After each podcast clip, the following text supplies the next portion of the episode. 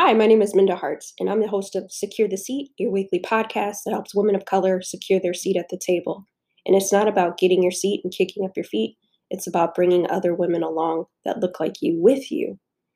Um, it's been a little while since I've dropped a podcast episode. For those who may not be aware, I've been playing around with a live podcast show, Secure the Seat Live, which I've been doing every Monday at noon on LinkedIn. So if you have missed listening to Secure the Seat um, in the audio format, come pop over to my LinkedIn page. Just find me on LinkedIn, Minda Harts, and hit follow. You can catch all the episodes. And also, you can go to YouTube and put in Secure the Seat Live. So if you're in need of a little extra something something i've been dropping episodes but video episodes of secure the seat on on those platforms so um, we're winding down uh, this season uh, because of quarantine. I tried to stretch it out a little bit more. Um, but today I just wanted to to come to you because in the United States, at least, um, you're waking up today. Uh, if you're listening on a Wednesday, not really knowing where to go from here. At least that's how I'm feeling, right? In 2016, it was a different feeling. It was like, how could they? And then 2020, um, it the conversation definitely has to shift, right? Because now people know what they voted for.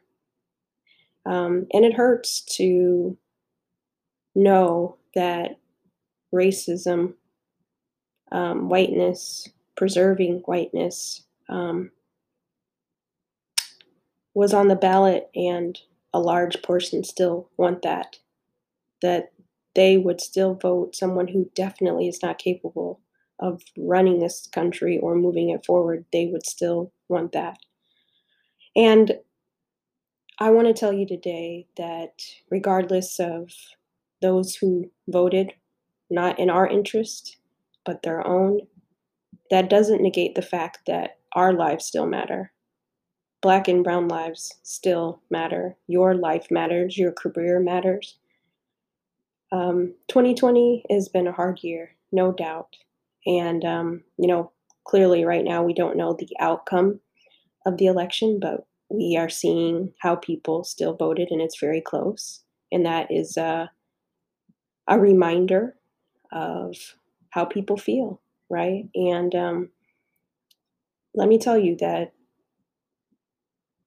we I, I wish I had the words to to say, to articulate. I wish that I could we would be celebrating in a in a way where we're not it's not a nail biter, right? But um I just wanted to come on because even in my sadness, I know that we still have to keep pushing. I often talk about courage because I think that this is our opportunity where we're going to definitely have to lean into our courage, right? And push aside our caution because the next generation of women of color are waiting on us to keep pushing. Like, if we get fed up, if we quit, then they don't inherit better. And, you know, allow yourself to feel the feeling because it does hurt. And, um, I just want you to know that I'm standing in solidarity, whatever the outcomes may be. We are still going to keep securing our seat. You know, today I'm giving two speaking engagements, and I, to be honest with you, do not want to do them because I don't want to talk about allyship today. because um, allyship was on the ballot. And um, I can no longer coach people to want to do better. people have to want that for themselves, right? If uh, being in a pandemic and seeing Breonna Taylor and George Floyd and all of the unrest does not change your mind, there's nothing that I can say that's going to do that for people. Um, and so, where I am with it, so many mixed emotions. Um, I guess this episode is more of a maybe a rant, maybe, but um, I know that I had to put something out just to let you know that I still see you. I'm with you. I'm here. I am you. I feel this just like you feel it. And it's disappointing.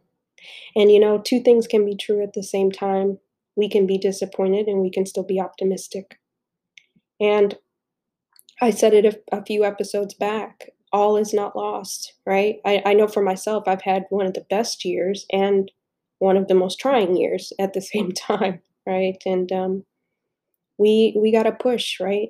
Um, and let's hold space for each other. And you know, if you're feeling away, shoot me an email, minda at mindaharts.com. Um, you know, I'm here for you. Uh, we must band together. We we knew that this was a possibility, right? Um, but we are more than magic. We are more than those ballots, and we don't need a majority of white people to tell us that our lives still matter. They do, and your careers matter. And once you've had some time to process, we're going to keep pushing. We're going to keep pushing because we know that um, we didn't, that God didn't bring us this far to leave us, right? That old um, hymn that, if you grew up in the church, they used to sing. Um, so, you know, again, I'm somewhat at a loss for words, but I just wanted you to know that I'm thinking of you, that I'm praying for you, I'm praying for us. Be safe. Um, stay inside the house. Don't feel like you have to coddle anybody's feelings or anything. Give yourself permission to feel how you feel, but I hope that you won't feel defeated. Um, that's what I hope you don't feel. But um, yeah, just hit me up. I'm thinking of you. Um, I do have a an episode to release next week, which I will put out for you. Um, but yeah, I guess this is what we call a heart to heart. But uh, I, I just wanted to connect and vibe so that we're standing in solidarity today. Be kind to yourself. Well, even though we um, are feeling away Uh, I still am a lover of grits and rap lyrics, and I might have to have a very large bowl of grits, buttery, buttery, salty, salty grits um, this morning. But uh, I want to shift a little bit. Um, instead of giving you my favorite rap lyric, which I believe this still has bars and it's applicable. Um, but I want to quote uh, the song I had referenced before, um, James Cleveland, his version, I Feel No Ways Tired. The lyrics are I don't feel no ways tired. I've come too far from where I've started from. Nobody told me the road would be easy. I don't believe he brought me this far to leave me. I don't believe he brought me this far to leave me. And that's what I'm holding on to do today. And I hope that you know we've come too far higher power, ancestors, our work, elders' work. We've come too far. And um, I, I, in my heart of hearts, I don't believe um, we we can't let this current administration block where, where how far we've come. And and we have the power. We harness it. We we have it. You know, it's okay to be tired, but just don't quit. Much love to each and every one of you. Uh, if you haven't purchased the memo in paperback, please do so. Um, it might be a, a little comfort to you right now. Um, and make sure that you come on over and participate with us for the live version of Secure the Seat Mondays at noon on my LinkedIn page, but also all the recaps are on YouTube.